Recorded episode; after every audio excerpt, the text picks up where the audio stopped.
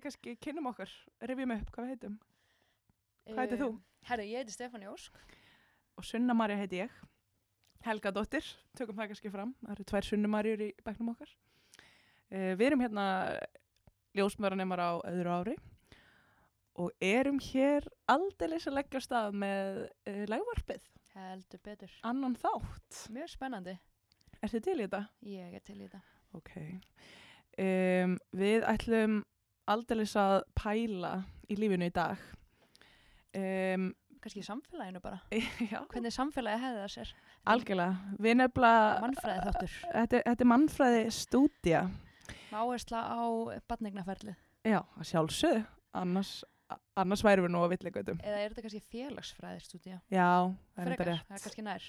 Við þurfum að fara að marka sér þetta inn í fjölsfræðild. Gæti verið. Við ætlum nefnilega aðeins að pæla í einmitt því, því að vera ólettur og hérna vera stattur í batnægnaferlinu út frá svona þessari pressu frá samfélaginu og kannski pressu frá okkur sjálfum og uh, hvaðan svona, hvað er að hafa áhrif á hana eða þannig. Og erum þá kannski svolítið að pæla í samfélagsmiðlum, áhrifavöldum og svona hverskins samanburði. Mm Og áreiti bara, hérna, áreiti sem fylgir badspurði í raun að vera eða þú veist. Já. Já. og þessu, þessu álæg sem að sem að mömmur einhvern veginn verða fyrir hafa kannski alltaf orðið eitthvað fyrir þessu en við svona viljum meina að sé kannski aðeins í auknum mæli í dag Já, svona í ljósi, í ljósi net Já, eða segir maður netnotkun, bara samfélagsmiðla notkunnar Já og ætla ekki tilkomi bara internetsins. Já, sko, mér maður alltaf hljóma svo ótrúlega mikið svona heimur vestandi fer þegar maður fer að ræða um hérna, skadalega áhrif samfélagsmiðla og snjallsíma Já, þetta er líka bara orðið pínu þreytt að ræða um samfélagsmiðla og, og skadileg áhrif Ég veit það þess, sko. í algjörlega en hérna en, en þú veist, þa það er samt einhvern veginn staðrind eða þú veist, það eru bara rannsóknir núna sem að hafa sínt fram á það að, að bara notkun samfélagsmiðla þú veist, það er bara fylgni við hérna verri, verri sjálfströst verri líkamsýmynd Verði lífskeiður bara í helsinni. já, algjörlega, bara, bara dregur niður andlega líðan, bara þú veist, þú skrollar og ert að skrolla einhvern veginn niður velðanina bara í leiðinni, sko Bara ljós kveikt en engin heima. Já, nákvæmlega. þetta er einhvern veginn Basically að gera ekki neitt. algjörlega, þú veist, einmitt, fyrir utan hvað maður er að hérna, sóa tíma sínum í, að þá erum við bara stöðugt hérna, með það fyrir augunum á okkur, hvað aðrir eru að hafa það gott, hvað þeir líta vel út, hvað er allt næs bara í næsta húsi í rauninni. Mest allir verið til dæmis útlendum núna.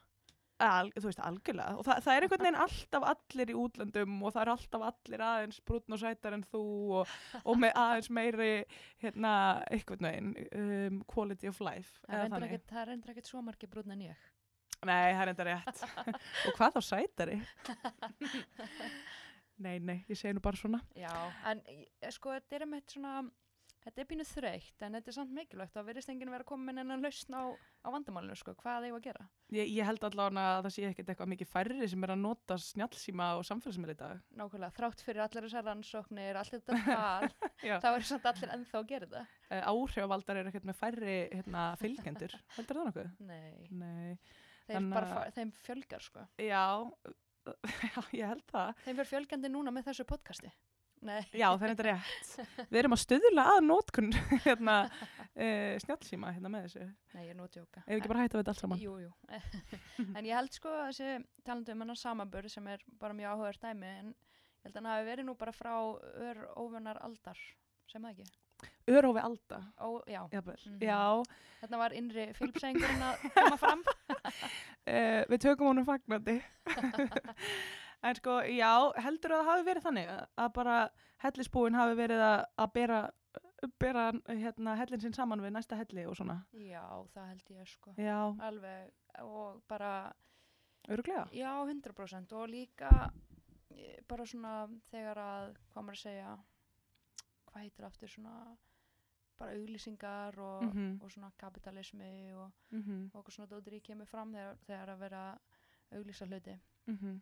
Þá, þú veist, bara þá byrjar þetta, sko, sérstaklega þá veist, sérstaklega með, hérna, sko að bera sér saman við, eins og í dag er áhrifavaldar og, og það eru Mhm. frægar stjörnur og, og svo náttúrulega bara Barbie eh, þegar við erum litlar, þú veist þetta byrjar einhvern veginn meira og meira þar E, já, einmitt.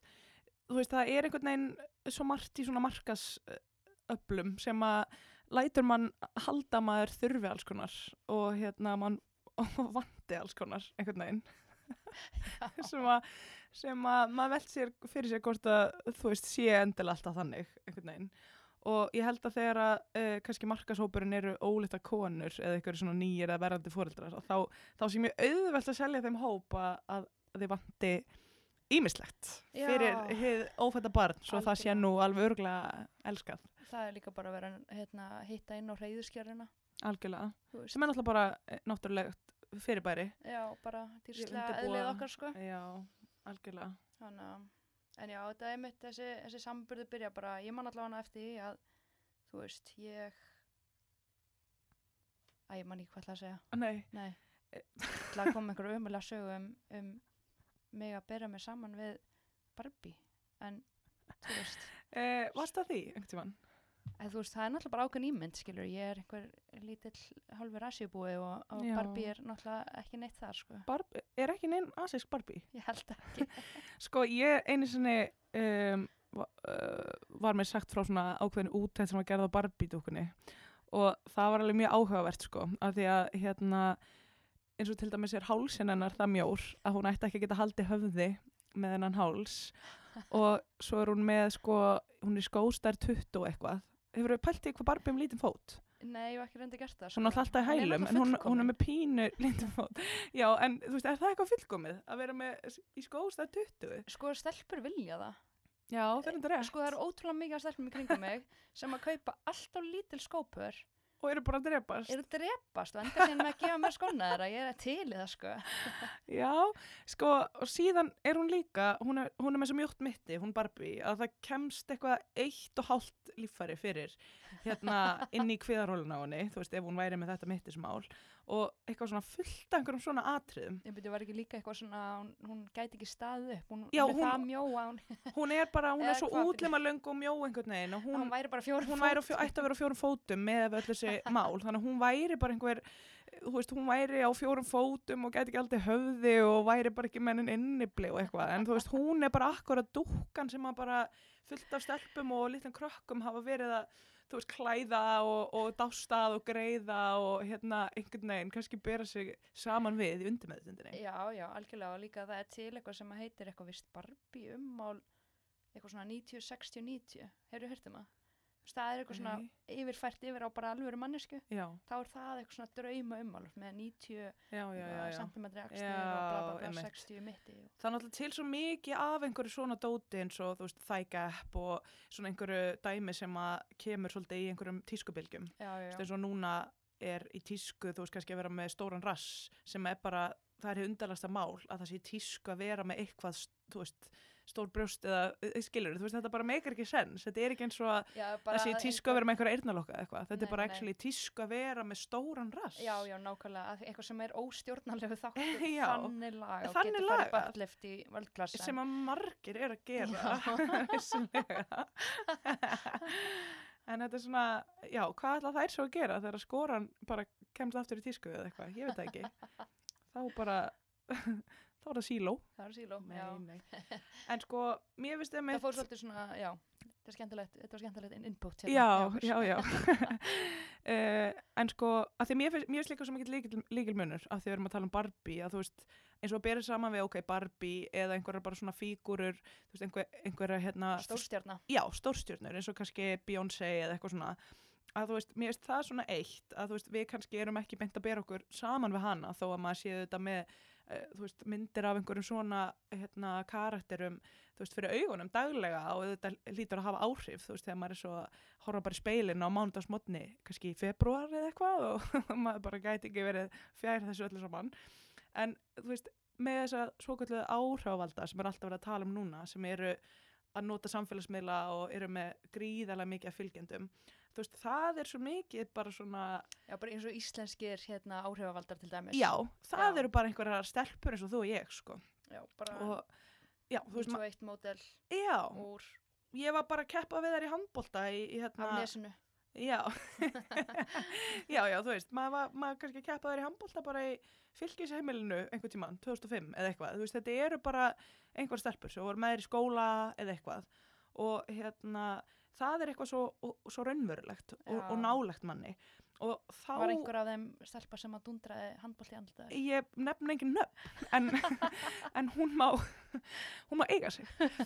Nei, nei, hérna en það er eins og þú veist, það eru þarna ákveðnir karakterar sem að mjög margar konur eru að fylgja á meðgöngu og svona því að þær eru kannski þessar áhrifavaldar sjálfar með líðil börn og orðna mæður og eru mikið að sína svona frá hérna, lífi já, öllum græjum og dóti í sambandi við hérna, ólettuna og ní- litla barnið og heimilið og allt þetta, bla bla bla. Já, og það, þá einhvern veginn verður samanburður eins og ótrúlega raunverulegur.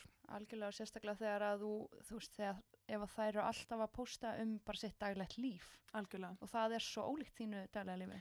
Algjörlega. Og það er, það er held ég það grilla þátturinn sko að maður náttúrulega gleymi kannski að taka inn í reikningin hvað ótrúlega mikið af þessu dóteríi sem að þær eh, hérna, eða þú veist þessi aðilar eru bara að auglýsa er einhvers konar samstarf, það er náttúrulega mikið búið að gaggrinna þetta síðustu árin veist, þetta, þetta er spons dæmi Þetta er sko. spons, þetta er í samstarfi við einhver fyrirtæki sem að eru þá að gefa viðkomandi kannski vörurnar og þeir jafnvel fá laun fyrir að sína og nota og auglýsa og svona. Þannig að þú veist, að verandi einhver verðandi hérna móðir að undirbúa sig og annað, þú veist, þetta er náttúrulega ekki hérna raunhafur samanburður Nei. í rauninni. Þetta er ekki raunar samburður og þar að auki hafa þær völd sem er svona, þær hafa þessi völd Algjörlega, að hafa áhrif á í raun og veru algjörlega. þennan risa hóp sko. og þetta er svo ótrúlega margir þættir ef þú tekur kannski eina, eina konu, ólíta konu og við erum, já, við erum nú eiginlega bara að tala hérna um mömmurnar en það er eiginlega bara þannig að mömmurnar eru, fyrir, eru eh, undir meira álægi svona hvað þetta allt varðar, hvað þessa pressu samfélagsins varðar að hafa einhvern veginn allir skoðanir á þeim hvað þær, hvað eru að gera og, mikið gaggrinni sko. hvernig þær bregðast við barninu sínu eða einhverjum aðstæðum eða ákvarðanir sem þær taka Hvernig það er alveg barnið sitt, hvernig það er fæða barnið sitt, Hvernig er það er klæða barnið sitt. hvernig það er næra barnið sitt Mm. þú veist, eins og með brjóstugjöfuna til dæmis það er, Það er náttúrulega mjög, ákveð, það er mjög uh, sérstakt dæmi sko. Það er einhver veginn hefð fyrir því að gaggrina er, sama hvað já, sama hvað, hvern, með þessa brjóstakjöf sko. hjálpið þér að hafa barnið á stuttabrjósti eða ekkert Já, og guð, guð, hjálpið þér ef þú ert of lengi sko. Þá þá ertu bara frík ertu eitthvað mjög skrítin manneska sko. einmitt og ég meina þú lætur ekki sjá það með pela einhvers staðar í kringlunni Nei. ég meina, Þá ertu að vannrækja barnið tala nú ekki um snuð nei, nei, ég segi svona. En, En það, það, það, það er svo gott dæmi um í raun að vera þessa gaggrinni algjörlega. sem að mæður fá á sig Og bara, og afskipta sem er og sko. við erum með mitt rétt að tala hérna um næringuna veist, pela, snuð og brjóst og allt þetta. En þú veist, það er hægt að telja en, það er hægt að pæla endalist í þessu. Þú veist, það er, við vorum að ræða hérna eins og um útlitið að, að þú veist bæði hvernig þú lítur út á meðgöngunni bumbaðinn, bumbumyndirnar svo hvernig þú ert eftir barspurð hérna, það eru komnar myndir af stelpum bara með sexpackið eftir smástund og allt þetta og hérna, eitthvað svona.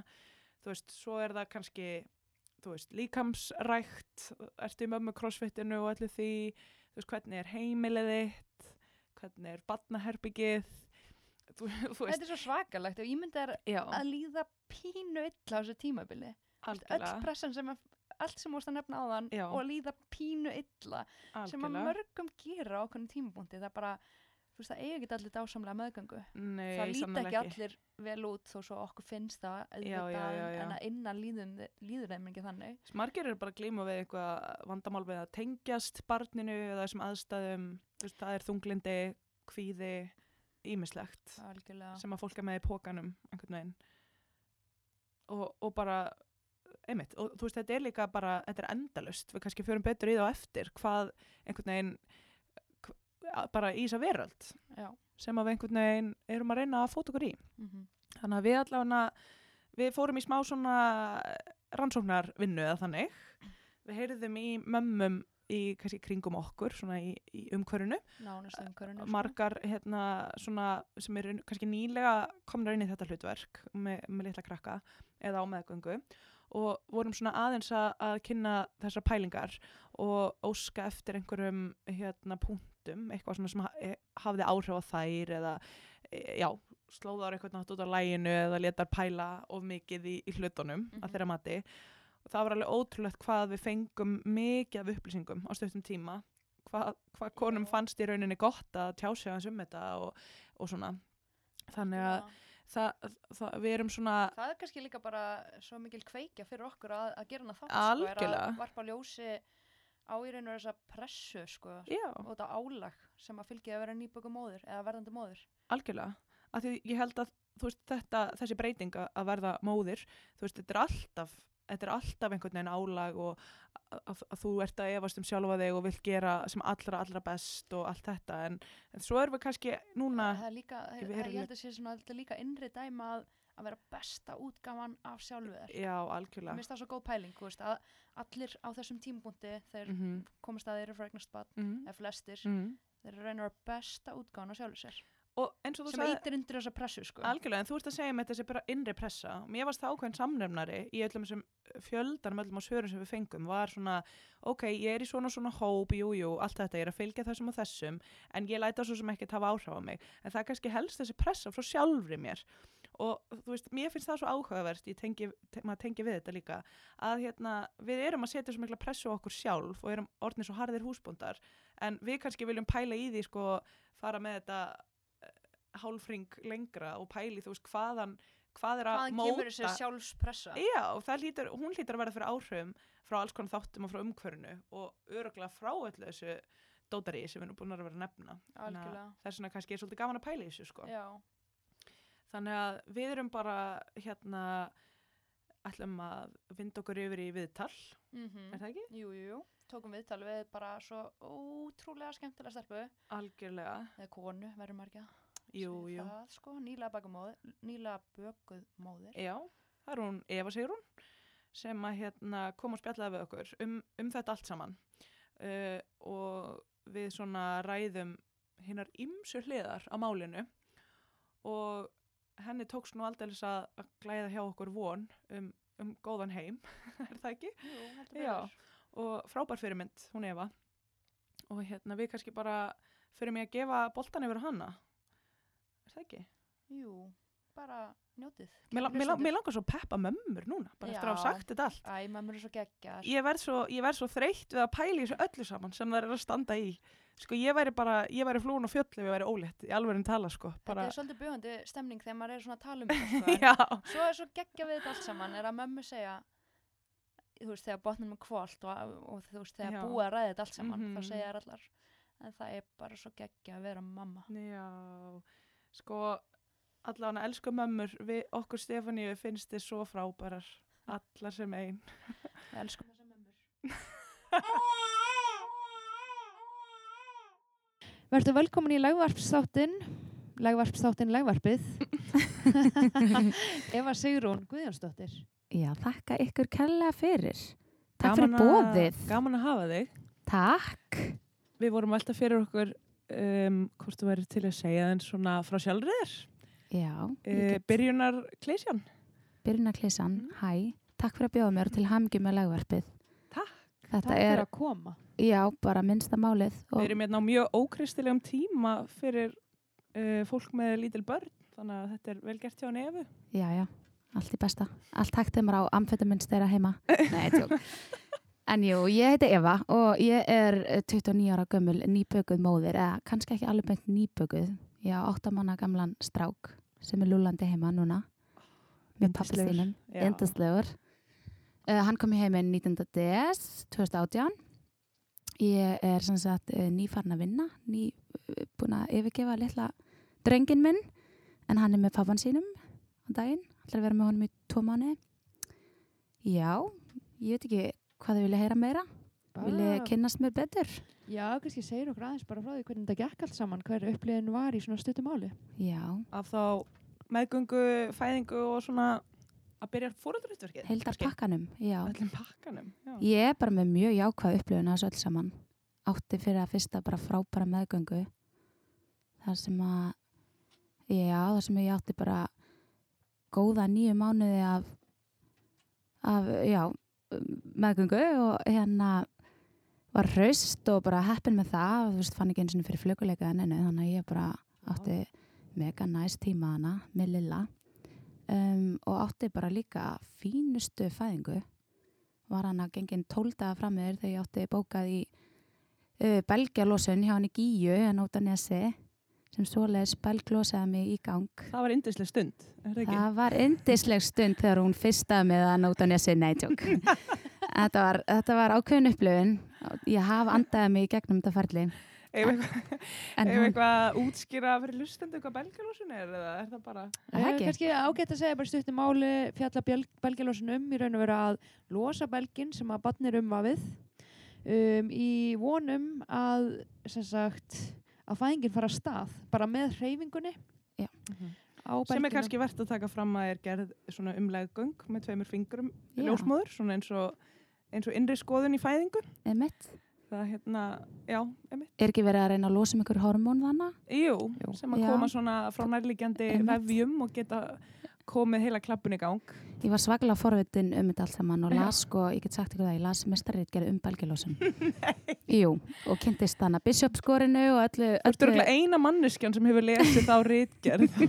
ég las svona svona, þú veist, ok, ég las útráttinn og fyrstu kaplana. já. En hérna, ég var svo forvitin að því það stóði eða, þú veist, ymmið, það þarf eiginlega að upplýsa fólk um hvað belgilósin er. Þetta er mjög algengt, margar vinkonum minna hafa farið í belgilósin og ymmið hjá gíu og það hefnast eiginlega alltaf.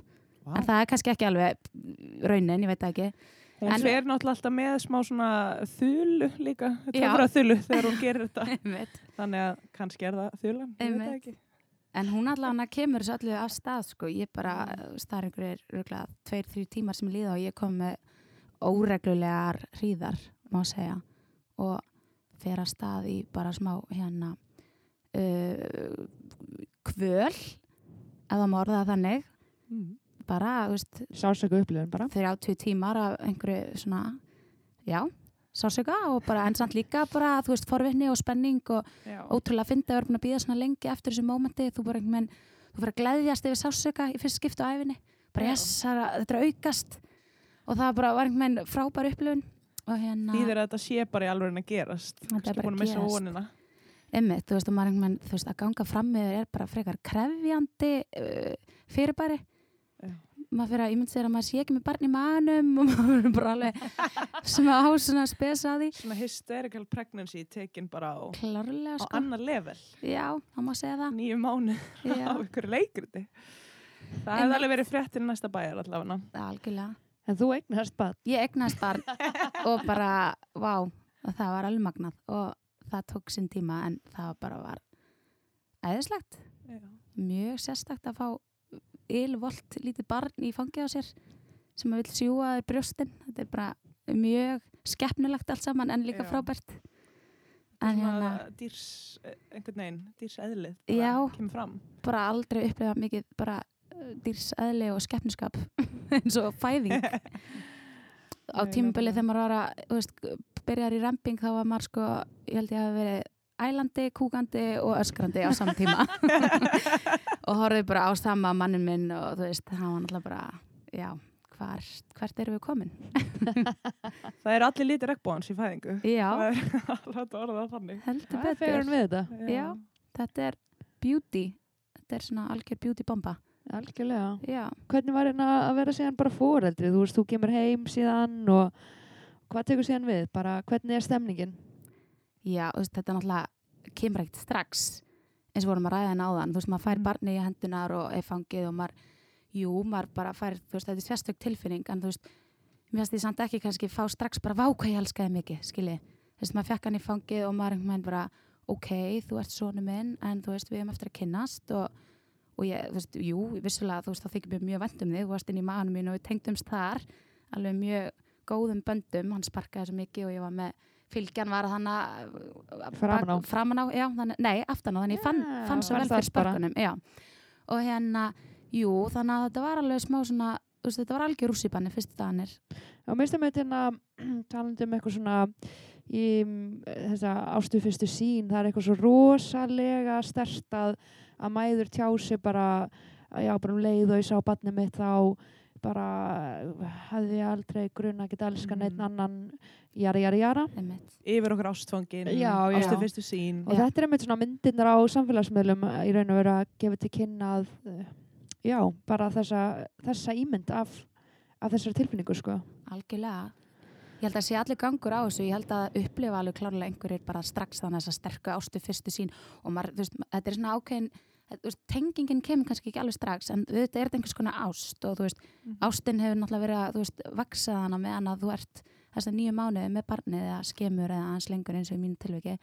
En, en mér fannst þetta samt ekki alveg eins svona skýrt og ég hefði haldið, þetta var ekki þessi sjúka ástu fyrstu sín þetta var rosa samt þetta var ótrúlega magnað og bara einhver ný tilfinning. En það voru dagarnir eftir á sem að maður svona fóra þetta fór að seitlast aðeins betur inn -hmm. Já, algjörlega og, og svona samfélagsmiðla virðast einhvern veginn portreita, mála mynd af þessu fyrst mér, rosa stert algjörlega það er þessi fyrsta mynd af batspyrunum og, Mhm.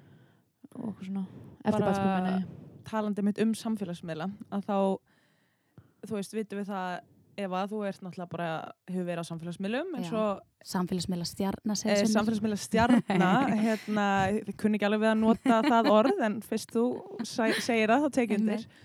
og bara ert hérna í alls konar skemmtilegum vinkonuhópum og vinahópum og hérna fyrst gaman að pæla hlutunum þannig að það var eiginlega ástæðan fyrir að við byggðum í þáttin okkur langaði svona að pæla saman í bara öllu þessu ferli út frá samfélagsmiðlum Einmitt. og þú veist, það eru allar þessar grúpur um, alls konar áhrifavaldar og bara hitt og þetta sem er einhvern veginn að hérna, markasett svona uh, með þennan markup í huga verðandi mæður, eða foreldrar og svona kannski sérstaklega mæður.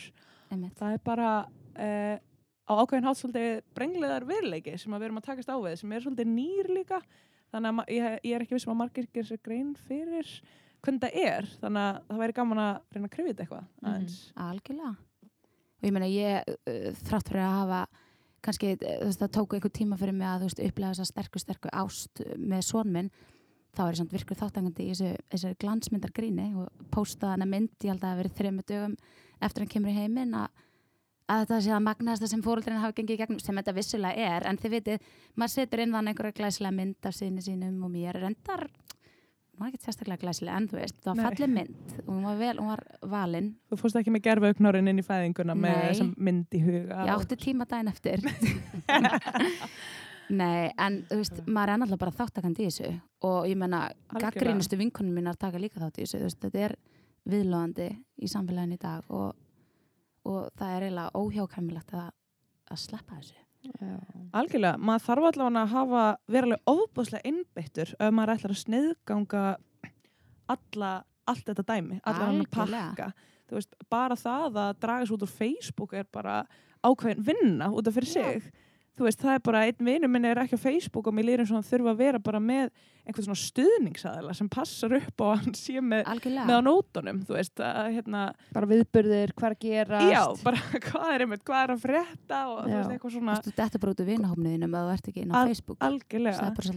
og hérna algjörlega.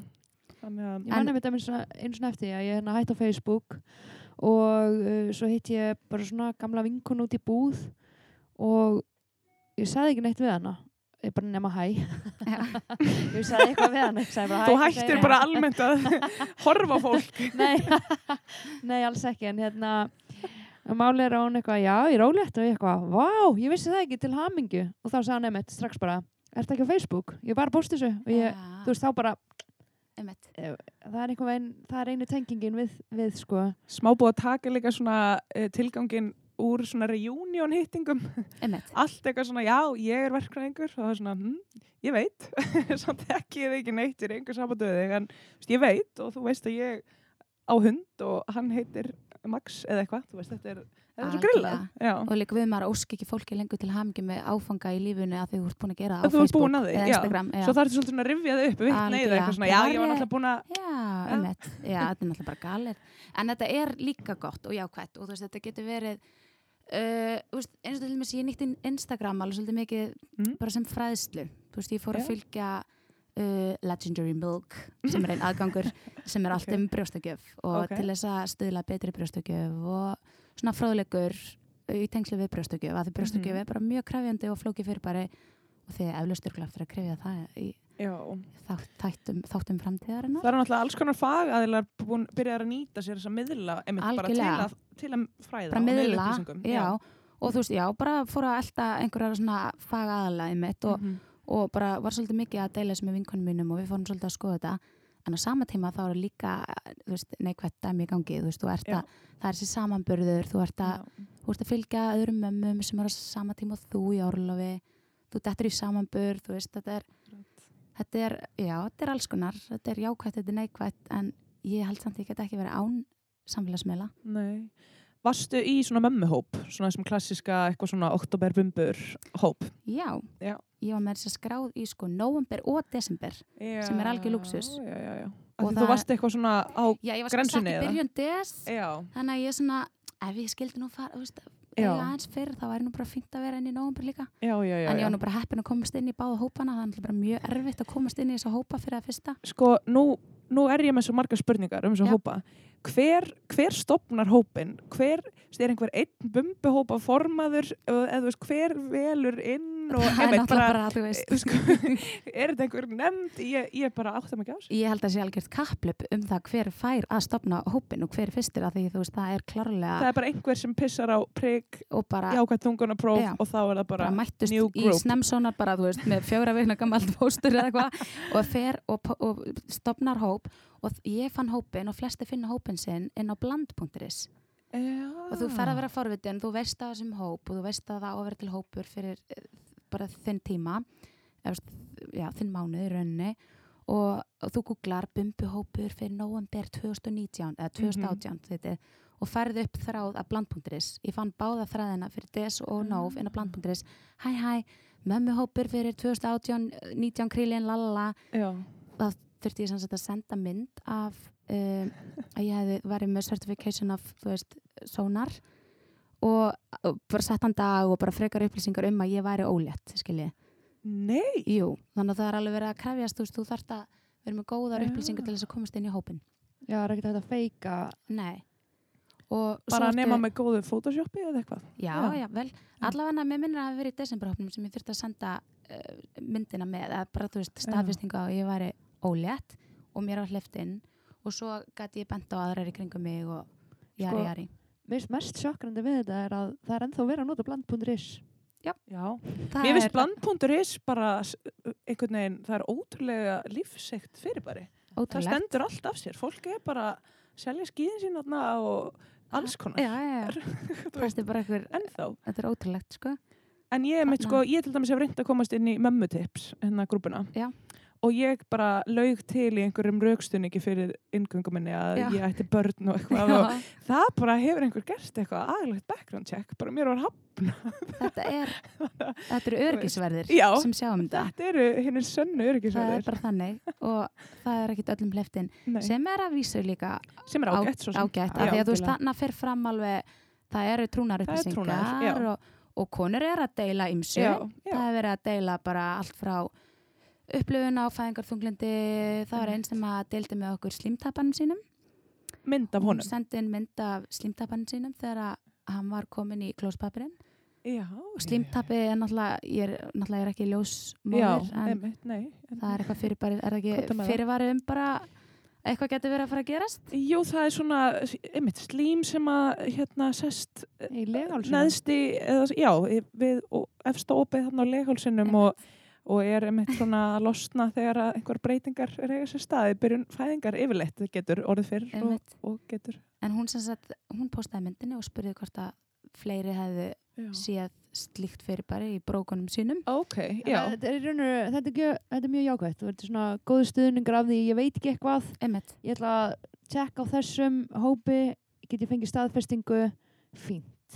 Já. sem er ótrúlega jákvægt við einmitt mömmuhópa sko. Hvað eru margir í svona hóp? Manstu hvað eru margir í Já, bara desember? Það voru Bumbur? nú alveg 256, eitthvað í kringum 260, já, 270 já, já, já, í, einmitt, í vá. allavega nóvember, hvort það verið aðeins færri í des. En það er eins og meiri hluti ólettra kvenna fari, gangi í, inn í svona hóp. Algjörlega.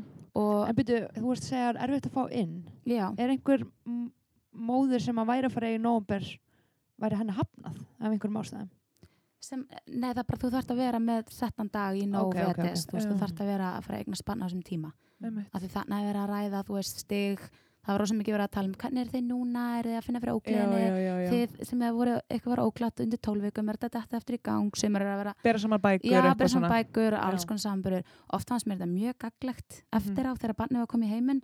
Þá voru margar hverjar mjög duglegar að posta upplýsingum um lekna heimsóknir og Mhm. sína, og jafnvel myndir af útbrotum og þú veist, bara fróðlegt upp á samanburðu annað. Líka bara að maður er að díla við hérna, eitthvað erfitt tímabil á meðgöngu, þú veist, einmitt ógleði eða einhverja grindaverki eða bara, þú veist, gillina eða hvað sem er. Að, þú veist, það er alltaf einhver huggun í því að einhver annar sé að gangi gegnum það sama, þú veist, og ekki sé nema bara að vita það, en einmitt líka svo að deila einhverjum ráðum og, og einhverjum sögum. Algjörlega. Það er eflaust bara alltaf gott. Algjörlega, ég meina, ég veit að ég og nokkur aðra við nýttum, veist, ég tók kannski ekki mikið þátt en Nei. ég fekk að, ég var smá Flug á svona vegg. flugavegg og, og hérna, og sörtsaði ofta eða leita ofta eftir ákveðnum upplýsingum, sérstaklega eftir að litli kom í heiminn, þegar maður er svona, þá kom, koma spurningarna fyrst. Barnið komið í heiminn og maður er óörugur og, og kannski svona vottur af heilsu kviða fyrstu dagana, fyrstu vikunar veist ekkert nákvæmlega svarið við öllu Það er svona En- kannski eina sem ég hugsa í sambandi við þetta, þú veist það er svo frábært að vera einmitt að deila ráðum og svona, Mhm. en á sama tíma finnst mér þetta mætti heldur ekki koma í veg fyrir að fólk bara leiti til fagaðila, fagaðila. Nei, nei, ég tek það fram að ég fór Já. alltaf með strákjum minn til fagaðala Já, já, já, já. en jú, Að hérna, að því að þú veist, í rauninni bara frá því að þú færði ákveð þungunapróf og þar til barn verður sko bara að klára skólagöngu sína, þá er alltaf eitthvað svona ákveð grunn eftirlit í gangi algjörlega og þú veist hvort sem að þú ert að hitta ljósmáður og meðgöngu eða ert svo ung og smábarnavend og allt þetta að þú veist þá getur bara verið gott að sapna upplýsingum og vangaveltum í bara minnisbók eða í síma sinni eða eitthvað. Þannig að þú munir hvað þú ert búin að hugsa um þegar þú ferð svo í tíman Mér finnst maður svo oft upplega það í maðuraskoðun sem að hérna, meðgangu verndarskoðun sem er náttúrulega bara mjög eðlilegt að því að svo margt í gangi Já. að allt í einu mann fólk ekkert hvað eða, er spurningar um, Já. svo mann að það eru glúta bílaplani að Já, þú veist bara algjörlega. upp á að geta nýtt sér þennan tíma sem þú færið með þá fagaðilum sem best það er mjög gott ráð algjörlega og síðan líka er nefnilega þú veist, ef maður er að varpa einhver svona spurningu sem að tengist kannski eh, einhverju dýbra, eitthvað sem að fagaðalinn ætti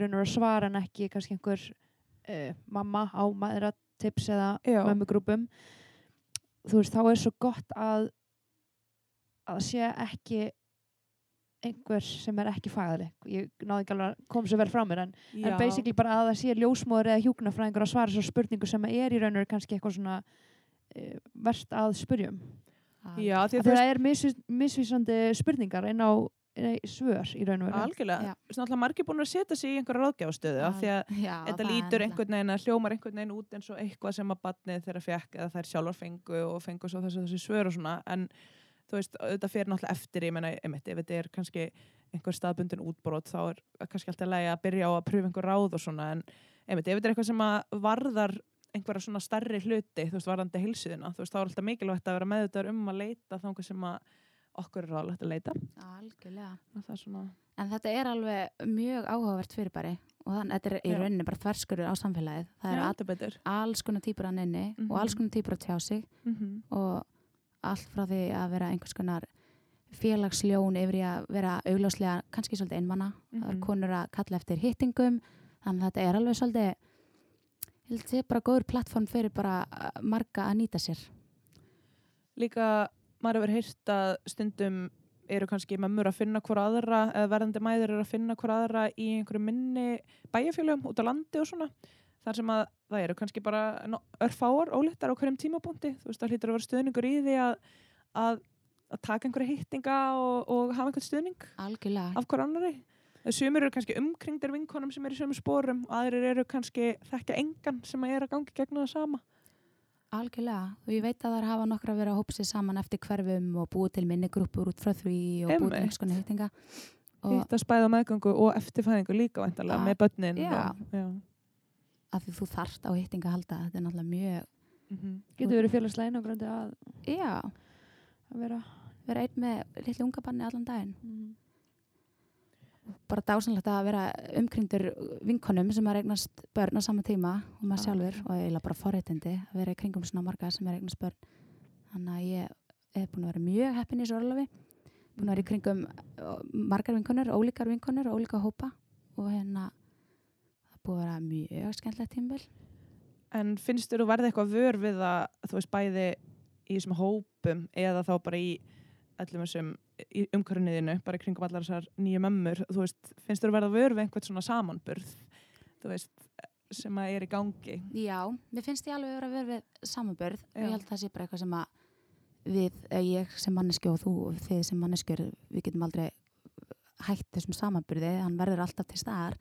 En kannski mismikið eftir hópum. En, en það kannski svona við samanbyrðin ofta er líka bara mjög jákvæður þannig að þú veist, eftir að maður eignast barn þá fyrir maður allir að pæla í ótrúlega sérstökum hlutum eins og litlum mælieiningum eins og uh, grömmum, millilítrum. Þú fyrir að pæla í hvað barnið er þungt í grömmum þú fyrir að pæla í vikum, þú fyrir að pæla í hvað hann drekka mikið uh, mikla mjólk í millilítrum. Þú veist, þú fyrir að pæla í alls konar litlum tölum og, og einhverjum hlutum svo það er aldrei spáði áður og þá er oft gott að hafa einhvern samanburð.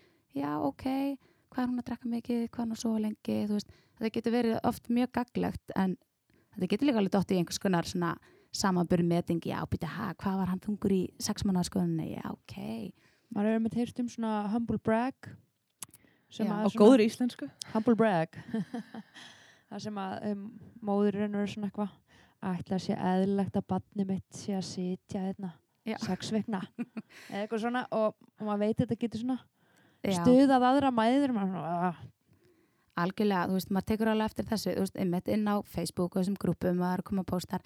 Er eðlilegt að dóttur mín sé sitjandi fimmana gömul, ætlum sé með eitthvað heilkenni? Þið veit að líka við þetta sé orðið svona.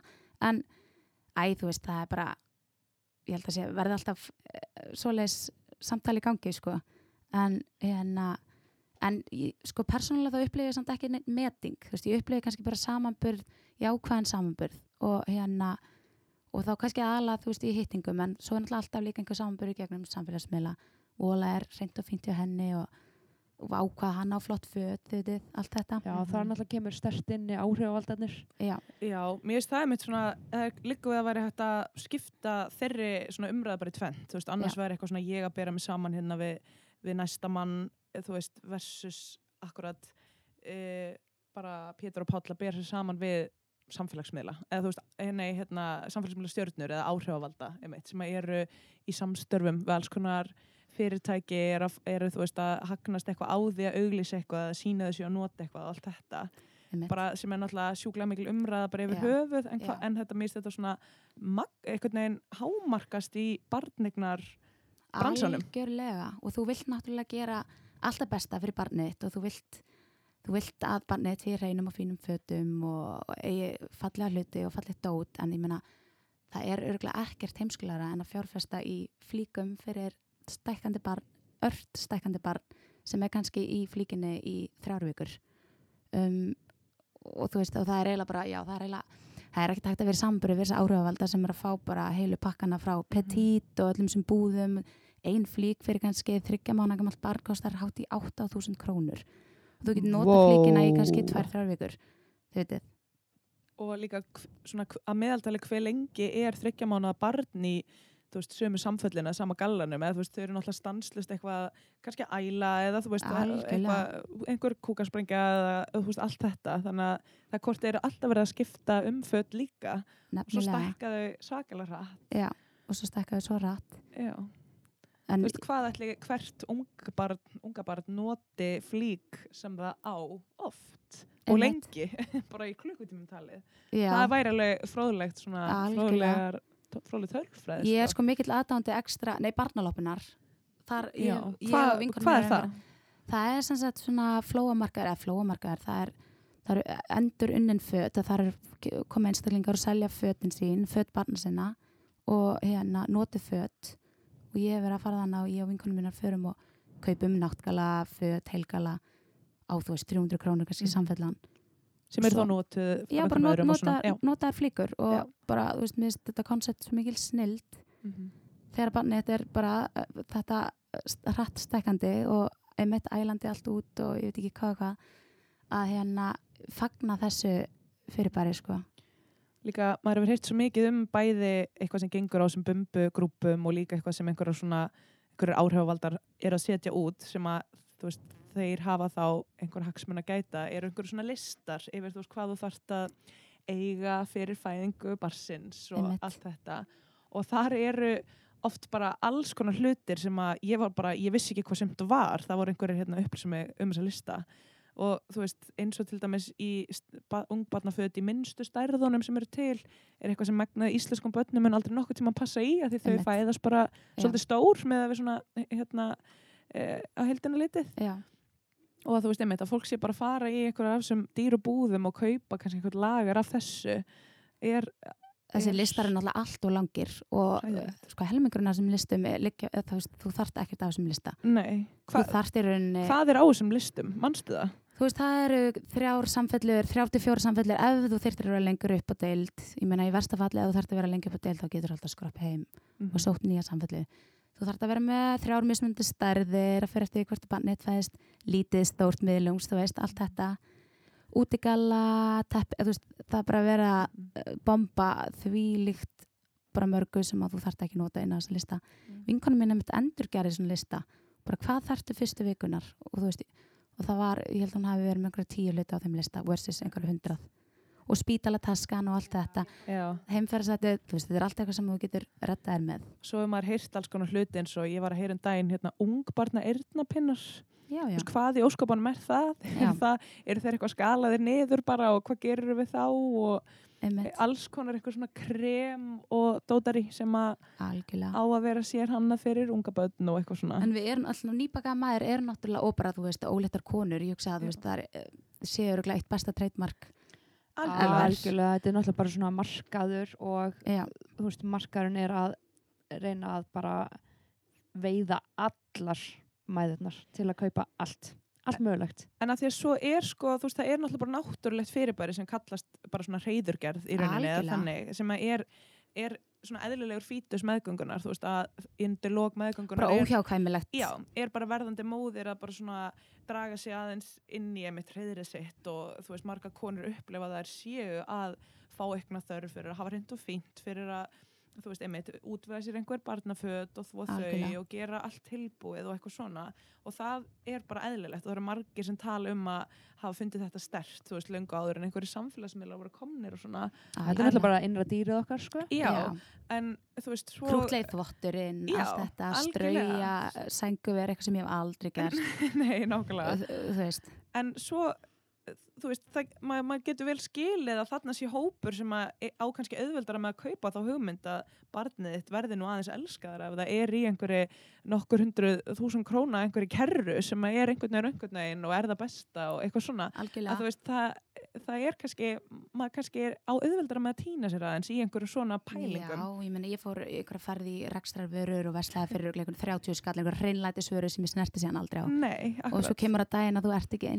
paranójar með hlutin að þú hefðir haldið. Nei, og að þetta litla barn er bara í ósköpgóðum málum í, með smá á gólfinu, þið vitið, og, já, akkurat. Veist, ekki búin að skúra loftið Nei, í það er ekki að vera sterilt, má vera hreint, en, en jú, þetta er náttúrulega alveg, veist, í, þetta er náttúran, það er hreyðurgerðin, sko, maður fyrir alveg í, á Já. fullt. Ég heyrði nú einu sinni heima þjónustu ljósmóður hérna, sem kemur svona fyrir heim til fólks eftir fæðingur og sinna Já. og fjö, nýju fjölskyldinni þá fóreldrarnir voru eitthvað svona byggast af eitthvað svona guð það er hérna, er svo mikið drasl og fyrirgefðu og eitthvað svona. Já. og þá hérna sagði hún uh, ég myndi akkurat, þú veist það myndi frekar klinga einhverjum bjöllum hjá mér ef það væri allt bara spikk og spann og gjörsanlega bara klórþveið hérna, þú veist að það væri frekar eitthvað sem myndi, myndi valda mér áhyggjum en að það væri hérna einmitt eitthvað óhreint þvottur og eitthvað óhreint uppvask og allt, allt að rúa stú, þú veist, þeir eru bara að hugsa um badnið og það er bara eina sem kemst að núna og svo bara Algjörlega. takkið til bara þegar gefst tím einhver tíman, ekkert Algjörlega, mál.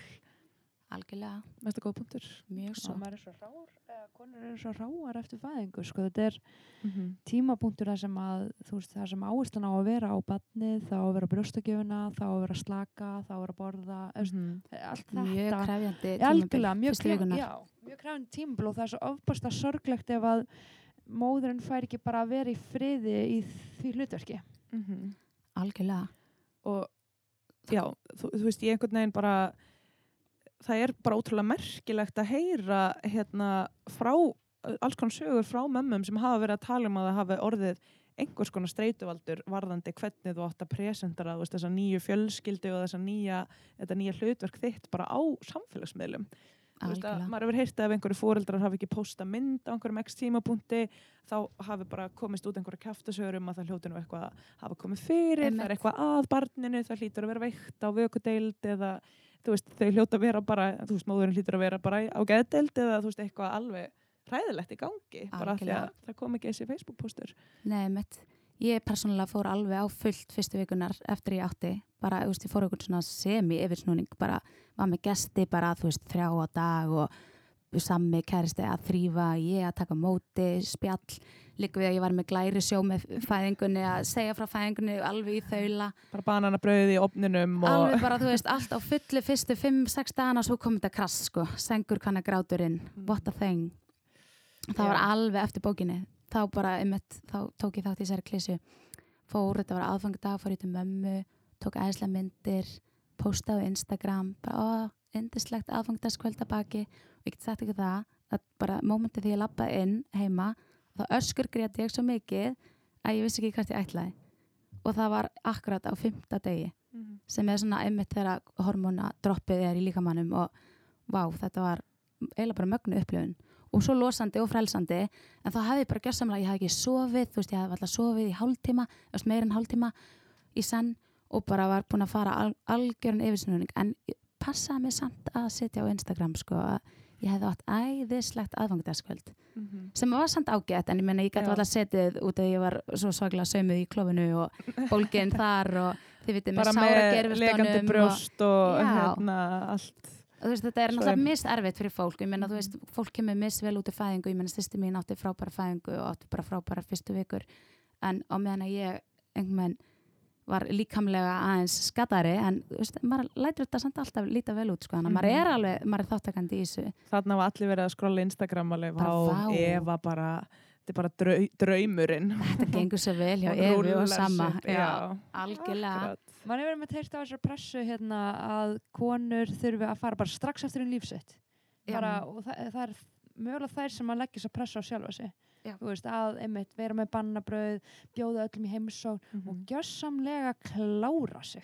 En sko auðvitað held ég einmitt að, hérna, og ég hef heyrt þetta frá mjög mörgum hérna, stelpum í kringum að þær segi, þú veist, ég er að leggja að pressa á sjálfa mig frekar en einhver annar, en þú veist, svo er örgulega alls konar eitthvað sem hefur áhrif á okkur á þess að við séum meðvitið um Já. það, bara eins og að bara það eitt að vera á Instagram og vera af og til að skoða einhver story og eitthvað svona, þú veist, og að þá er maður oft kannski einhver staðar með að bak við eirað alveg veist, þessi bara komin í magaból hérna þreim vikum eftir fæðingu þessi bara komin að kaffi vest og bara með Já. krakkan sinn ok, ok bara í hérna bugaboo kerrunni og bara ég- með bananabrauðið og eitthvað, þú veist, og batnið bara grætur ekki og þetta er alveg sefur bara vel og hún er bara með Guðvissonar hérna sætkartablur í maukinu fyrir bara, Einmitt. þú, eitthvað svona, þú veist Já, bara þessi klikkun í raun og veru. þetta er Mhm. klikkun út af fyrir sig. En þú veist, maður getur tekið þátt í henni og maður getur sleppt í og maður getur verið farið með alvegin en já, þetta er fannst þér að upplefa eitthvað svona einhverju hugsanir eða pælingar varandi með svona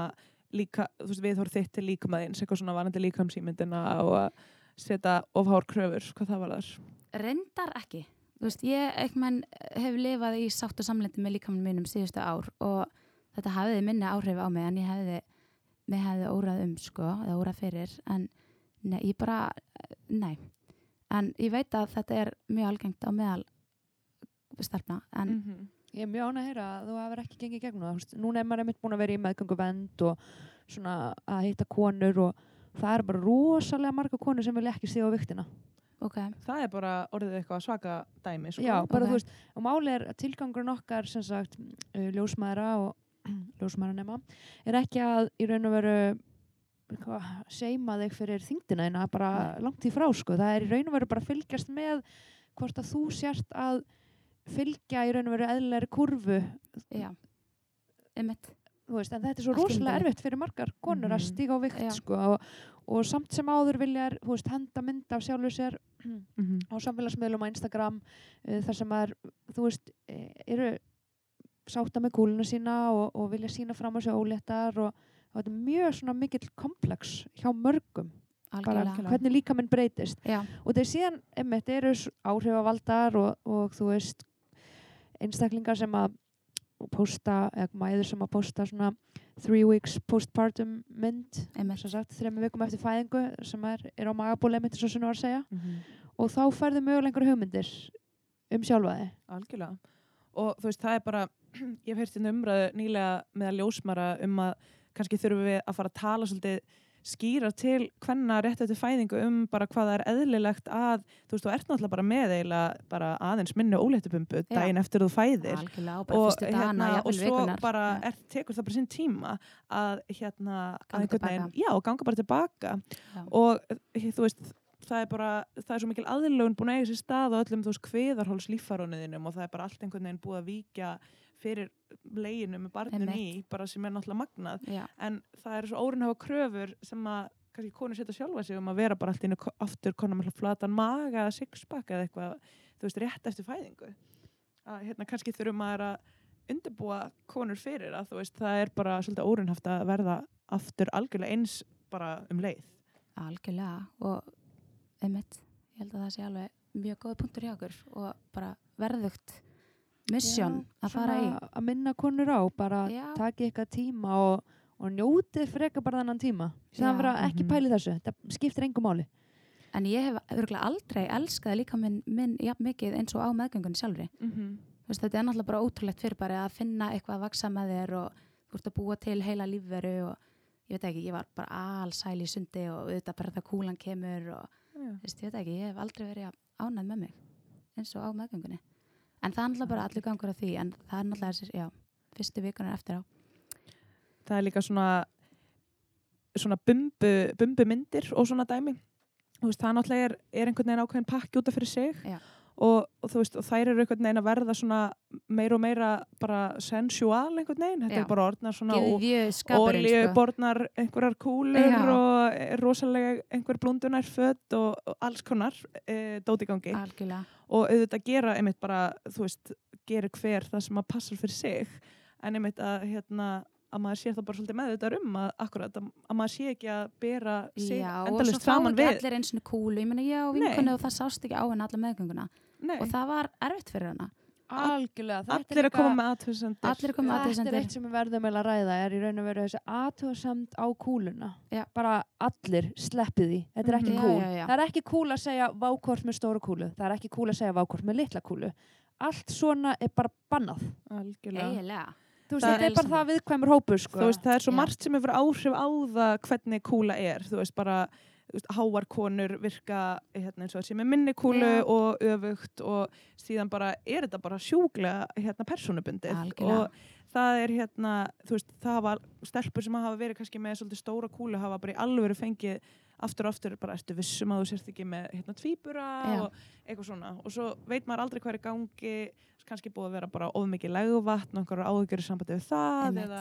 bara einhver Vaxtarsónar. ágjur á því að þú veist, já, Já. badni vaks ekki nóg vel Já. og að kúlan eitthvað smá og þú veist, það er bara alltaf verið að slengja því eitthvað andlitið á þér. Sjálf var ég, það sást mjög fljótt á mér mm.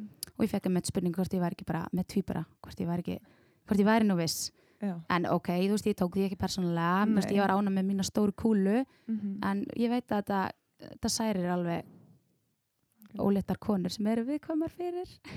algjörlega. Já, algjörlega, þetta er svo viðkvæmur Já. hópur. Um, úst, þetta er hópur sem að, af konum sem eru fullur af hormónum. Það er bara þannig. Mm um, og þegar veist, máli er að það má ekki hver sem er segja hvað sem er við þar Nei. og fólk þarf að vera rosa tillitsamt í garð hvenna sem er að gangi gegnum þetta ótrúlega tímabili líf þeirra. Þetta er svo stórt dæmi. Og það að einhver sé að gaggrina þig Það má ekki, sko. Það má Það er bara ekki. big no-no. algjörlega, Það- rosa mikilvæg punktur líka svona uh, hugmyndir að einhverju öðru til að segja þegar langar að koma með eitthvað er kannski bara um, mikið er þetta falleg kúla rosalega lítur vel út Já. eða eitthvað, hvernig hefur Já, það það. þú veist að hérna, ef að fólk vil eitthvað hérna, prófa eitthvað annað næst þegar það hittir ólega konu Hvernig það? Eva, upplifið þú einhver svona gaggrinni? Því núna eru að tala um, þú veist, gaggrinni af, af bara, þú veist, hérna, að aðrir sé að gaggrina mæður, þú veist, hvort sem að það sé mó, móðið þín eða tengdamóðir eða gústi frændi eða Svona varandi uppeldið eða bara, meðgönguna. já, eða uppaldið eða einhver svona afskiptasemi eða eitthvað þannig. auðvitað, afskiptisemi en það er svona kannski svona aðalega fyrst og fremst bara út af hugulsemi Já, þetta er svona allt gert af ást, sko. þetta er allt gert af ást en þú veist, jú, alveg bara þú veist, eða gefa hann snuð þú veist, krakki minn bara fættist með mestu sóþörf ég hef aldrei veit annað eins snuð er nú bara e, e, þú veist, það, Það- væri svo gaman að halda morfískefni um Já. snuðnotkun ég meina, hann er hérna barnalagnir í fimmtagaskoðun, við mættum bara no shame, með snudd upp í krakkanum og hann, og ég spyr hann þú veist, ok, þú veist, er þetta ekki bara ok, hann sé með snuð, bara vá verður bara þakklátt að hann taki snuð. Og útskýr fyrir mér að það er ólík snuð, uh, sótekni sem þau nota hana á brjóst og eða pela og snuði bara upp á að, þú veist, hann fari ekki að hafna brjóstinu og allt þetta. Og ég tók því bara mjög vel og fagnandi og hann er bara búin að vera með snuð uppi sér síðan þá. Já. Þetta er bara ákveðin tappi, þetta er bara mjög mæli með snuði. Og við prófum á öðrum degi. Og það veist, menna, hann er góður á því, borðar, tekur brjóst gera við fáum þig í hérna snuð uh, morfístáttin Með þú verður með klærlega, ég skal, já, ég kenni Núna einmitt erum við sunna búin að vinna á meðgöngu og sængulegu deildin í sumar og hérna það er einmitt svona fóreldrar sem eru stundum búin að stinga snuð strax upp í barnið. okay. Það er í raun og veru svona eina sem ég veit til þess að, að maður sé svolítið svona herðu um, kannski bara fyrsta sóluringin að geima. Það er svona eina sem maður segja. Ég raun og veru út af því að það er svo ofbúslega mikilvægt að barnið sé að sjúa gervertuna hvað varðar mjölkur brottinn og Já, allt hvað var það Já, mjölkur hérna framleiðslega Já. bara að hún komist í gang. Algjörlega, svo er náttúrulega mismunandi hvað fólki finnst en svona, uh, ég er náttúrulega ég er alveg svolítið tím bara þú þekki barnið þitt best dæmi sko, já, en auðvitað þarf, þarf, þarf fólk stýringu, fyrsta sóluringi sérstaklega kannski. Klárlega en einmitt, og þá, þannig komum við samt aftur að því að hérna, að, akkurat nýta sér fagaðila og svona þó að, og, og þú veist, sem að þú veist, fagfólk á að aðstóða fólk við að bara taka upplýstar ákvarðanir um hlutina, það er enginn að segja þér endilega einmitt hvað er rétt og ránt, sérstaklega varðandi eitthvað svona. Og þú veist, til að byrja með þá eiga allir fóreldrar á Íslandi að hafa greiðan aðgang að ljósmóður Já. og svo, þú veist, tekur eitthvað annað við og svona. Og þú veist, all, einmitt, öll þessi ráð eru svo, þú veist, það, er, það meina allir svo vel, en það einhvern veginn að þetta er svo tilfinningaþrungið eignar spann að þá stíga einhvern veginn allir upp og verða svona sjálfskeipaðir ráðgjafar og ætla að meina svo vel með að koma með einhver svefntryggs og, og fæðutryggs og eitthvað. En maður hefur alveg heyrt marg að tala um hvað það getur bara verið hérna, búið til efasemdir og svona ef að kannski batnið þitt séfur ekki eins og þú vilt eða eitthvað svona að, að það er alltaf verið að kommenta eitthvað á hvernig Já. þú bregst við eitthvað algjörlega, og það er svo vond ef að mamman fara alltaf tilfinninguna um að hún sé alltaf að gera eitthvað ránt svona. Mhm, það eru allir alltaf að ráðgefana og hún er alltaf að gera eitthvað ránt mhm. þú veist, það er svo ofbústa stemt fyrir sjálfsýmynd já, móðurinnar. Ég get ímynd það, ég blessunlega lendi ekki mikið í þessu. Ég var bara með svolítið góðan stuðning og alveg bara einhverja afskiptsemi en bara upp að vissu marki. En guð, ég get ímynd með það.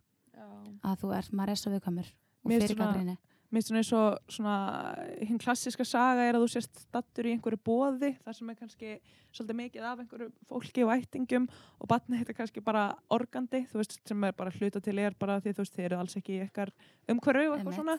Og að hérna og það verður svona intens að reyna að hugga batnið og það er allir að koma með einhverjar uh, aðtöðsendur og svona. Já. Ég hef heyrt margar mömmur hafa bara þurft að fara eitthvað af Já. og bara gráta eða Já. þú veist eitthvað, bara þurfa að fara og kúpla sig út í ég einhverju svona það mjög aðstæðum, vel sko. sko. það er mikið grátið fyrstu vikunar og það er bara uh, sannleikur og bara, já, þú veist, þegar maður fer að tala við vinkunni sinni opinskátt um tilfinningarna þetta er rosalega tilfinningar úr sér banni að eignast barn og þetta er, meira og minna er þetta frábært og auðvitað er þetta líka ömulagt og erfitt og krefjandi og fullt- af konum sem upplega fæðingarþunglindi en þetta er, þetta getur líka alveg verið rosa erfitt. Og, það, og það koma daginn af svona flestar í kringum mig það er upplifa hann sengu hvernig grát og upplifa móralska daga þar sem að þú ferða aðeins niður í endorfínu og öllu þessu. Þannig að þetta er ekki alltaf bleika skýið sko. Nei. þó svo að þetta sé svona jú, Lífið, já, þetta er lífið sko. þetta er lífið En hvernig fannst þið verið kringu þig varandi að hérna, eins og nú er komið svo mikið af svona alls konar um, bóðum og svona eins og kynjaveslur, Já. uh, baby showers, um, eitthvað svona. Uh, er það í gangi kringu þig? já, heldur betur, það er í gangi í kringum mig hvað ætli þetta sé gamalt fyrir bari? Baby showers Já. á Íslandi? 6-7 ára, Ég, mitt, ég gerir mér ekki grein fyrir því, sko. 8-9 ára Jú, Ekki- 6-7. þetta Já, er svo flókið að eiga vinkunni sem er ólétt það er sko Þetta er líka bara fjárhags, fjárhagslegt hérna, álag. Það er bara eru það nokkrar. að við sem er kringum þrítusaldurinn, það eru þrítusamælinn, það eru útskriftir, það eru barsegnir, nafnavislur, já, þú veist, þetta er Gæ- dýrpakki, Gæsanir, ef fólk ætlar að gifta Já. sig, það er útgjöld út af fyrir sig. þetta er bara fáranlegt, en jú, þú veist, það eru babysjáður í Já. hópunum, ég til er kannski svona, ég myndi segja tveimur vinkunahópum Já. og þeir eru fjölmennir og flestar af þeim farnar að eignast börn. Og þannig að ef einu er búin að fá babysjáður, það verða hina líka að fá. Mhm, og ég uppleiði með þetta ótrúlega fyndna tilfinningu uh, varðandi hérna babysjáðurinn eða hvað segir maður, Já, steypibúað, barna, regnið, já. Ég var alveg komin svolítið langt og ég komin kannski á 3050 viku Mhm. og fann að vera svolítið svona lítil mús og mér fannst bara Verður- svolítið skrítið ég var ekki með að fá ekki? babysjáður og ég fyrir að ræða þetta sama bara, er það ekkert að skeipilega babysjáður fyrir mig? Og ég trúði ekki að ég væri þessi típa og ég, held, ég, veist, ég var fann að velta þessu svo mikið fyrir mér að ég var fann að fá svona semi bara svona þrá ekki byrju, fæ ég babysjáður Mhm. en þú veist, babysjáður skiptir mig engum máli. En uh, þetta er einhvern veginn fara að vera allstar og það fá allir og allir búin að fá í hópunum og, en jú, jú, Kannski var þetta meira svona staðfesting á vinkuna en var að hugsa um þau frekar en baby shower í held, eða þú veist. nákvæmlega, auðvitað er það bara það En veist. svo er þetta eitthvað ákveðið róf, eitthvað svona spektrum að þú veist, mér, mér persónulega finnst allavega bara það akkurat að, að þínir vinir sé að koma saman eitthvað svona eitthvað til heiðurs og þú veist að sé kannski bara borða, borða köku og eiga eitthvað góða samverustund er, er náttúrulega það sem þetta kannski í rauninni snýst um.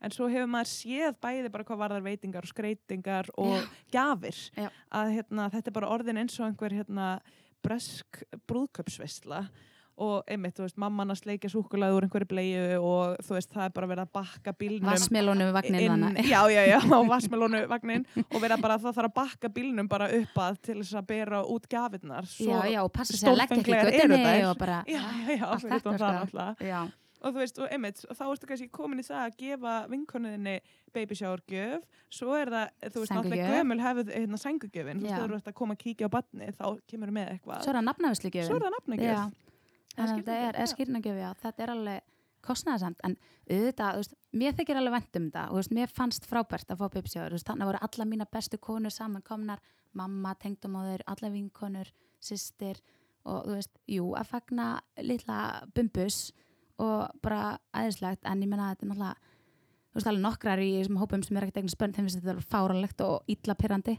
þú veist, alveg langt í að þær fara eignar spörn, já vel og þú veist, það er bara, já, það er orðin þreyttur á þessu, þú veist, og ég skilði það fárlega vel, en það er nú held ég bara regla í flestum hópum að þetta er gert fyrir fyrsta barn, einmitt.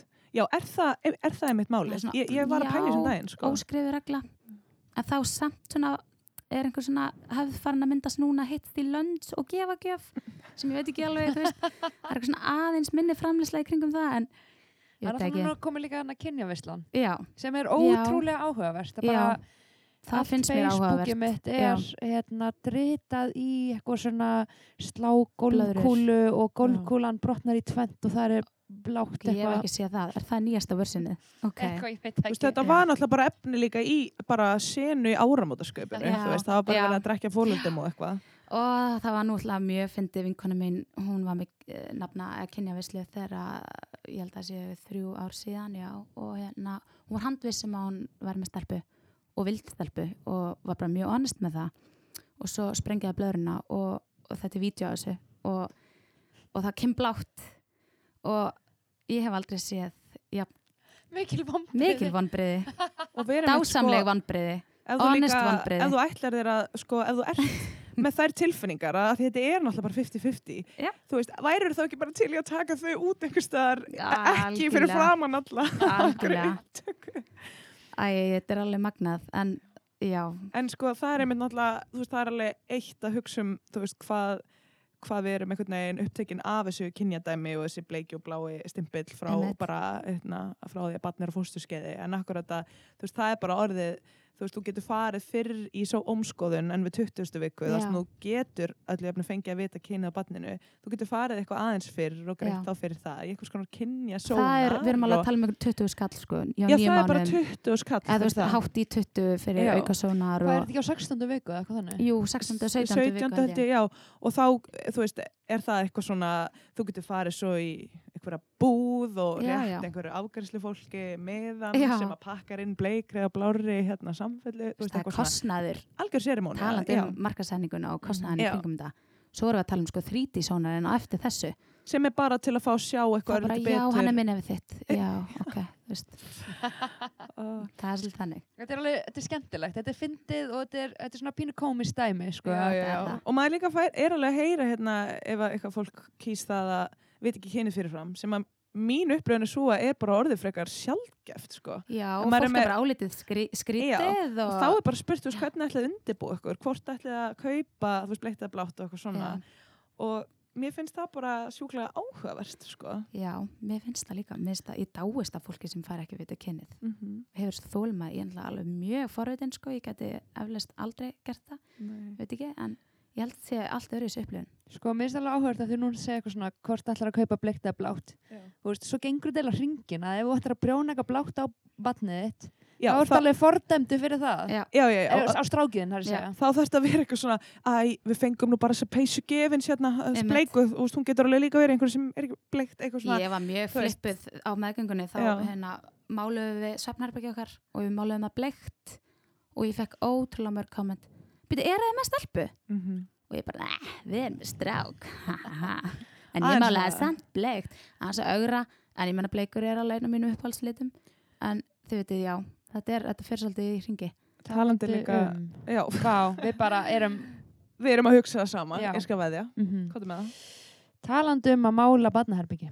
já, það verðist bara að vera eitt litur í bóði í dag ó, við, var ég að nota hann hvað leitur það? nei, nei, en maður allavega Já. sér sko hérna í gegnum Instagram og svona að þú veist, þetta eru svolítið svona sama herbyggið, þú veist, Já. og það eru einhverjir ákveðni litir notaðir, það eru hérna tríleikföngin og einhver hilla og Já. einhverjir svona ákveðnir munir þar og að svo hef hefur maður heyrt bara svona einhverja pælingar um, þú veist, fyrir hvernig er þetta herbyggi og þú veist um, er Barnið þetta verðist svolítið ekki svona mega að leika inn í herbygginu, sko, því að þetta er búið að stilla svo ótrúlega vel upp. já, já, já, Og það mæga ekki vera plastleikföngin sem að eru, þú veist, bara dín, dín, dín, dín, dín, dín, dín, dín, dín. áreitið, Já, þú það má veist, ekki sjást í það það bara fyrir bara niður í geimslu ljóta 80s Já. plastleikfangið frá Price eða eitthvað. en það er þetta Pinterest look sem að er á flestum barnaherbyggjum sko. algjörlega ég var einmitt að dekorata herbyggi svona minns Vá. bara í fyrradag, ég get sagt ykkur það að það er svona karri ömmugult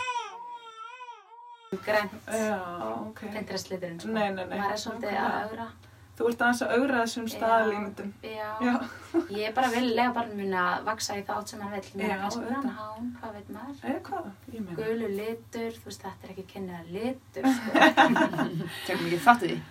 Já, Nei. sko, líka svona pæling, haldið þessi dýrara til dæmis að eignast og eiga stelpu.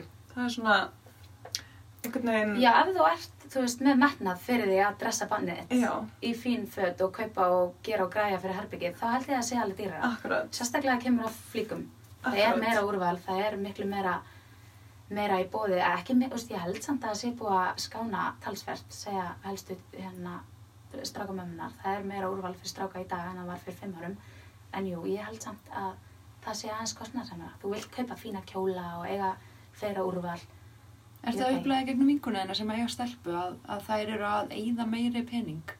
sko, það er í alveg tala svona ein það er tvær stelpur líka við í vinkunahopnum mínum. Veist, það, það er færiska strákar? við erum bara með ágjur af þessu. Það var að koma glæni í reyndar núna.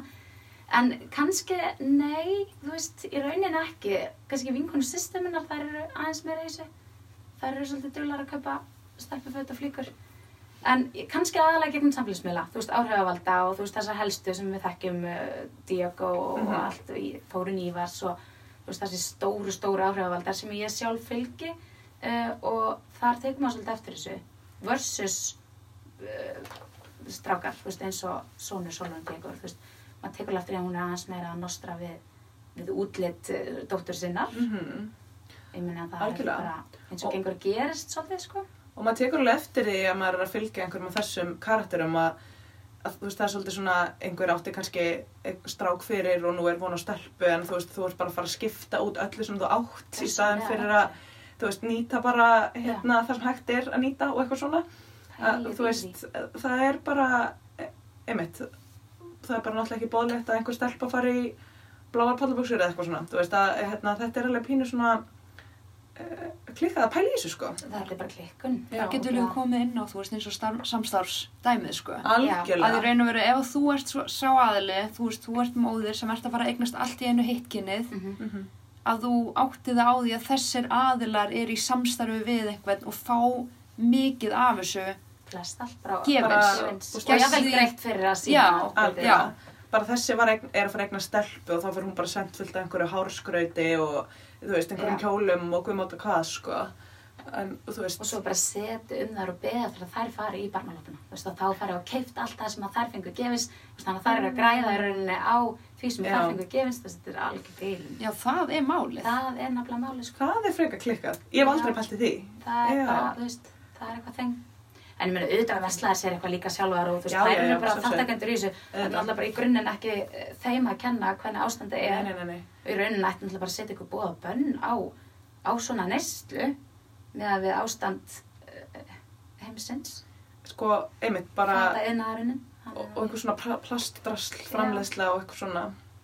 Þetta er e, e, þú veist, en svo líka ef ég hef eitthvað að vera að fylgjast með þessum hérna svo kallega áhrifavöldum já, þegar kemur að hérna barnaamælum og haldi upp á kannski eins ás barnaamælu og svona þá, það er svona kannski mesta sjokki sem ég hef fengið að þú veist, það er framleiðsla. að það er svona, þú veist, ég, mér það er bara sónar bara. Æsland Airwaves bara production Þú sko veist, mér hefði þótt bara of, mér hefði þótt að íburðurinn bara of mikill einmitt þó að bara hérna breytaprins hefði eitthvað verið að ganga heila sko en þú veist, og, og þá velti maður svolítið fyrir sér ef þú ætlar að gera svona veislu kannski fyrir eins og skamalt barn bara þú veist, hvað gerist þá á næsta ári og hvað gerist þegar það verður 10 ára eða 17 ára alltaf eða, já, þú veist að hérna, þetta er svolítið svona þetta er svaklega krafa að, þú veist, það eru bara, þú veist, sko, já, veitingarnar og, og skreitingarnar og einhvern veginn gjafirnar og hvað, þú veist, það er bara blöðruveggur og algjörlega fótobúð, vél og Ég mínihamborgarar að þetta og... hefur haft smá áhrif á mig. Þú veist, ég hef alveg verið að pæla í eins og samlunans og hann er áttamanna. Og ég fór auðvitað fyrsta pælið þegar hann var þryggjamanna. Akkurat. Þú veist, og mér langar alveg að halda upp á flott ammali fyrir hann huga minn. Mhm. Þú veist, Sem að, einmitt, mun aldrei nokkuð tíman geta munað hann eftir mun því. aldrei muna Ekki það að maður eigi ekki að leggja þetta metnað í, eða Það er skiljið. einmitt sýsti mín, Það er er ekki það. rosalega raunsæð típa. Mm. Æ, þú veist, þau muna aldrei muna eftir þessu. Þú veist, eins og með nafnavislu og þannig, þú veist, ég skellti í nafnavislu og hvað svona, ég veit ekki. En þú veist, það er, það er í rauninni algjör óþara, en svo vil maður líka skapa En svo sem, hefðir já, svo sem allt í lægi að, hérna, að búa til eitthvað sem er þá bara fyrir fóreldrana eða fjölskyldur og þú veist einhvers konar samkomur og eitthvað svona. En einmitt, ef þú ert kannski farin að finna þig þeim aðstæðum að þetta er orðin meiri streyta en gleði og þú nýtur einskis og ert eitthvað svona bara alveg á tánum eða Já. að skuldsetja þig eitthvað, þú veist, til að halda þessi búið og þá kannski er það eitthvað svona er reality check. Já, Ég hef einmitt heyrt á hérna núna því við vorum að background checka og við vorum að leita á upplýsingum og spyrjum svona Já. maður kringum okkur. Þá er einmitt svona ein hérna, svona á, áhugaverð saga sem að var basically bara, þú veist, ég veit að ég er góð mamma en ég hugsaði samt bara, er ég ömuleg mamma að, að vera ekki að halda svona geggjað ammali? Og- hugsa sér. Já, og hún, hún gerði þessu svo mikið grein fyrir þetta væri fáránlegt. Já. og bara þetta viðhorf gagvart skriljón hlutum bara þú veist, að ég, að ég væri með einhvern hallærislegan vagn þó hann virki Já. þú veist að ég sé einhvern veginn þó að eitthvað þú veist þetta er bara, bara endalausar svona pælingar herbergisliturinn er ekki grár Já, bara akkurat. segja það er grár sem við erum að tala um. Og líka sko eh, eins og bara varandi mitt fæðugjafir að hérna ég er búin að heyra margar mömmur minnast á þarna að gefa skvísur. Já, að eh, það er hérna hvað einhver svona barnamatur í eh, í einhverjum svona já, að það en rosalega þægilegt. Já, að það eru bara alls konar aðtöðsendir sem koma hérna, varandi það, margir sem að skammast hinn fyrir það og eitthvað svona. Já, það er nú kannski alveg smá svona pressa á að vera svolítið að mauka fyrst sko. Mhm, akkurat. það mestu- lífrænt. ég þetta lífrænt og Mhm. helst gufusóðið Guðsóð, já. og með góðum óljum, það fræolju og allir þessu sko. En sko þá er mitt svona, spyrir mig líka að því að því þú veist, það er einhver pressa að halda einhverjum standard á Instagram og allt þetta. En svo kannski líka að þú ert komin í það að ætla að vera meðvitaður og hérna sniðganga eitthvað svona, hvort að þú veist, maður fari kannski einhvern veginn annan ring í þessu og að þú þurfir að passa svo rosalega mikið að vera ekki partur af einhverju og að, einmitt, að þú veist, þú þurfur raukstið af hverju springur þið neyri blári peysu eða þú veist, að þú farir að fá samviskupið yfir því að vera ekki að nota bara tauplegur frekar en hérna þú, þú veist, vera sem umhverfisvænastur, vera sem lífrannastur, vera sem einhvern veginn náttúrulegastur í þessu öllu saman. Að það geti kannski líka verið einhver, einhver streita, einhver ný streita. Já, algjörlega. Ég held maður fyrir samt líka bara að taka ákvarðanir. Bara ég ætla að reyna að leggja mitt að mörgunum þegar kemur til umhverfisins með því að kaupa umhverfisina blegur. Þú veist, ég ætla ekki að ganga alla leið að vera með taupleguna því það er bara algjört maus og ég hef ekki tímið það. Og það er ákveðin helun, myndi ég halda. Þú veist, ok, það er hægt að mauka mat og reyna að græja og gera eins og getur með það, en þú veist, alltaf að kaupa líka skvísur, þú veist, maður verður, ég veit ekki, þú veist, maður verður bara að finna einhvern miðalveg í þessu. Eins og algjörlega, þú veist, mitt teik er svolítið á með fötin. Ég fer og kaupi notufött notaða flíkur. En ég kannski er ekki alveg að muka mat. Akkurat. Og fyrst er með það upplýðið smá svona ok, ég er kannski ekki alveg að standa með þannig en svo bara, þú veist, þú verður svolítið að- að velja og hafna. Af því Mhm. það er alveg tímafrægt að vera í fæðingarólu þú veist, þó svo að sé út, útrúlega næst þú ert að kaffehúsum og þú veist alveg með einhvern tíma fyrir sjálfæði, þá er þetta samt eiginlega standlösu vinna þannig að þú þarfst líka svolítið að ákveða hvað þú ætlar að leggja já, þú veist, hvað þú ætlar að hvað þú ætlar að eða púðri í og hvað ekki Hvað er þetta að setja mörg bara? já, Og svo líka einmitt, þú veist, mismöndi hvernig bönni er bara. Það skertu bara með bat sem að segur ekki neitt. einmitt, bara terror það er ekki mínu tilfelli blessunarlega, en jú, nákvæmlega þú veist, þú þarft svolítið að bara svona veruleiki foreldra í fæðingarlofi er held ég jafn ólíkur og þeir eru margir sko að einmitt, þú veist, sum börn eru bara óvær, eru með kveisur endalust og einmitt, bara foreldrarnir eru valla að fá neitt sveppn og aðrir eru kannski glíma við bara einmitt andlega vanlega eins og vorum að tala um áðan. Um, og svona hitt og þetta í gangi bara í lífi fólks, þú veist, á þessum kannski batningnar aldrei, þú veist, sumir eru bara að djökla svo mörgum boltum, þú veist, varandi bara komið þessu fótunum og verið í námi og eru kannski með önnur börn líka og eitthvað svona. Þannig að það eru uppi staðið þurfa kannski bara allir að finna út Hvað hendar? Maður er einmitt heyrt um þess að pressa að hérna, fara út, úr- veist, ekki fara úr seint út á vinnumarkaðin. veist, að, að vera ekki of mikið heima, eða of lengi heima. Já, og líka að fara ekki ofsnæma Og að já, að fara ekki of snemma heim. heim. Svo því öklið þeirra, sko. Já, Ég myndi alltaf að vera í nýju mánuði með Lilla. En hérna, en fór aðeins fyrr út af vinnumarkaðin og svona, þú veist, upplegið bara kannski pressi frá sjálfum mig, bara, ah, er ég kannski, er ég að fara ofsnæma frá þú veist, hann er bara 7,5 mánuða sem er samt bara alveg drullu langu tími að þú berðir saman við Evrópulöndin og Bandaríkinn þar sem að konun er kannski að ná einhverjum nokkrum mánuðum með banninu sínu. Uh, en ég upplýði samt enga svona fordóma úti eða neitt svo leið, sko, allan ekki persónulega. En hérna, það er alltaf samt. Rattir, rattir. rættir og þú getur alltaf dótt í einhvers konar pælingar og samanbyrð. En svo má líka bara minna sig á að ef að fólk er með leðilegar einmitt rattir og eitthvað, það, það er kannski bara endurspeglar þeirra óöryggi. Að hérna, Algjörlega, ef að fólk þarf alltaf að vera gaggrina aðra, að setja einhver aðra niður eða eitthvað svona. algjörlega. Ég held að mæður sko fái tölverða gaggrinni. Tölverða óverðskulda gaggrinni. Já.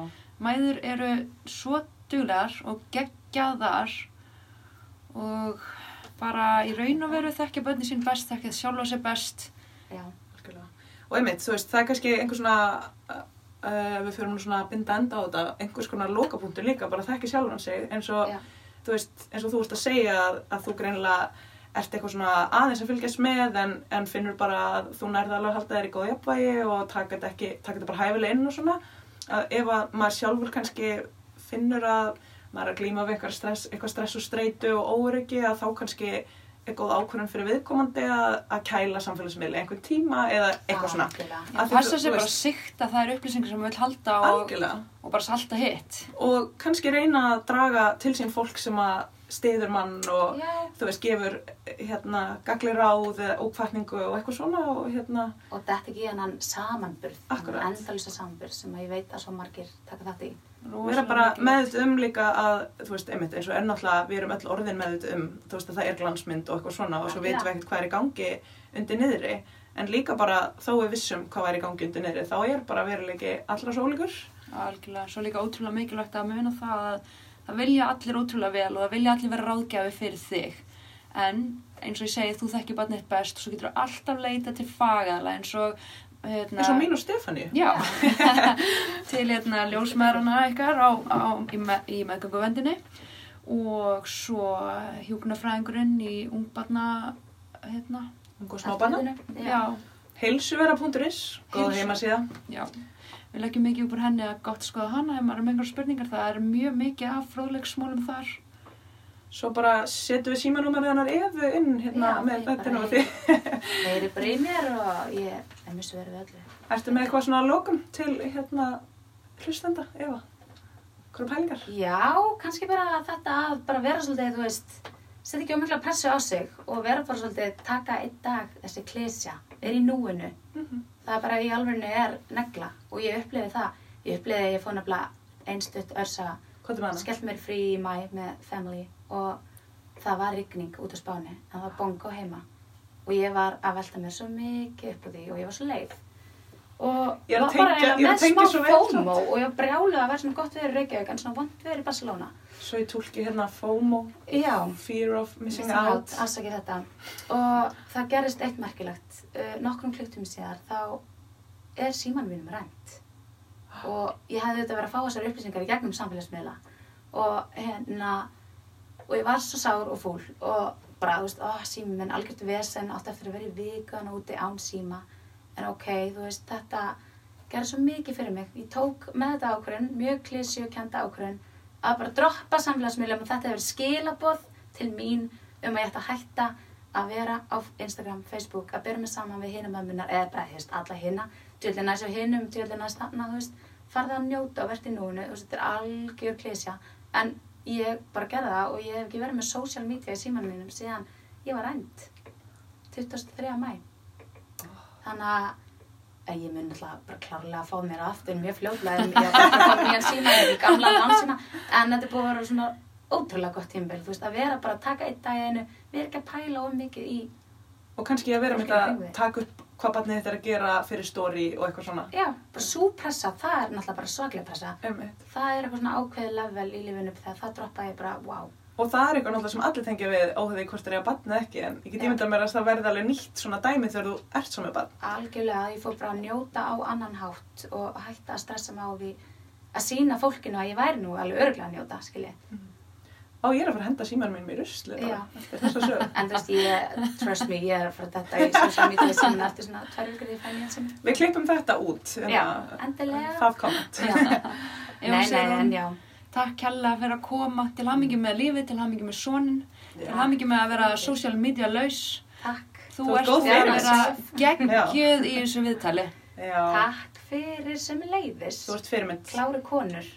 Ég vonaði að takja á móti barni nummer tvö sem að ég veit ekkert hvernig hvenar eða hvort Við erum klárar. Við býðum við síman. ég pant ykkur.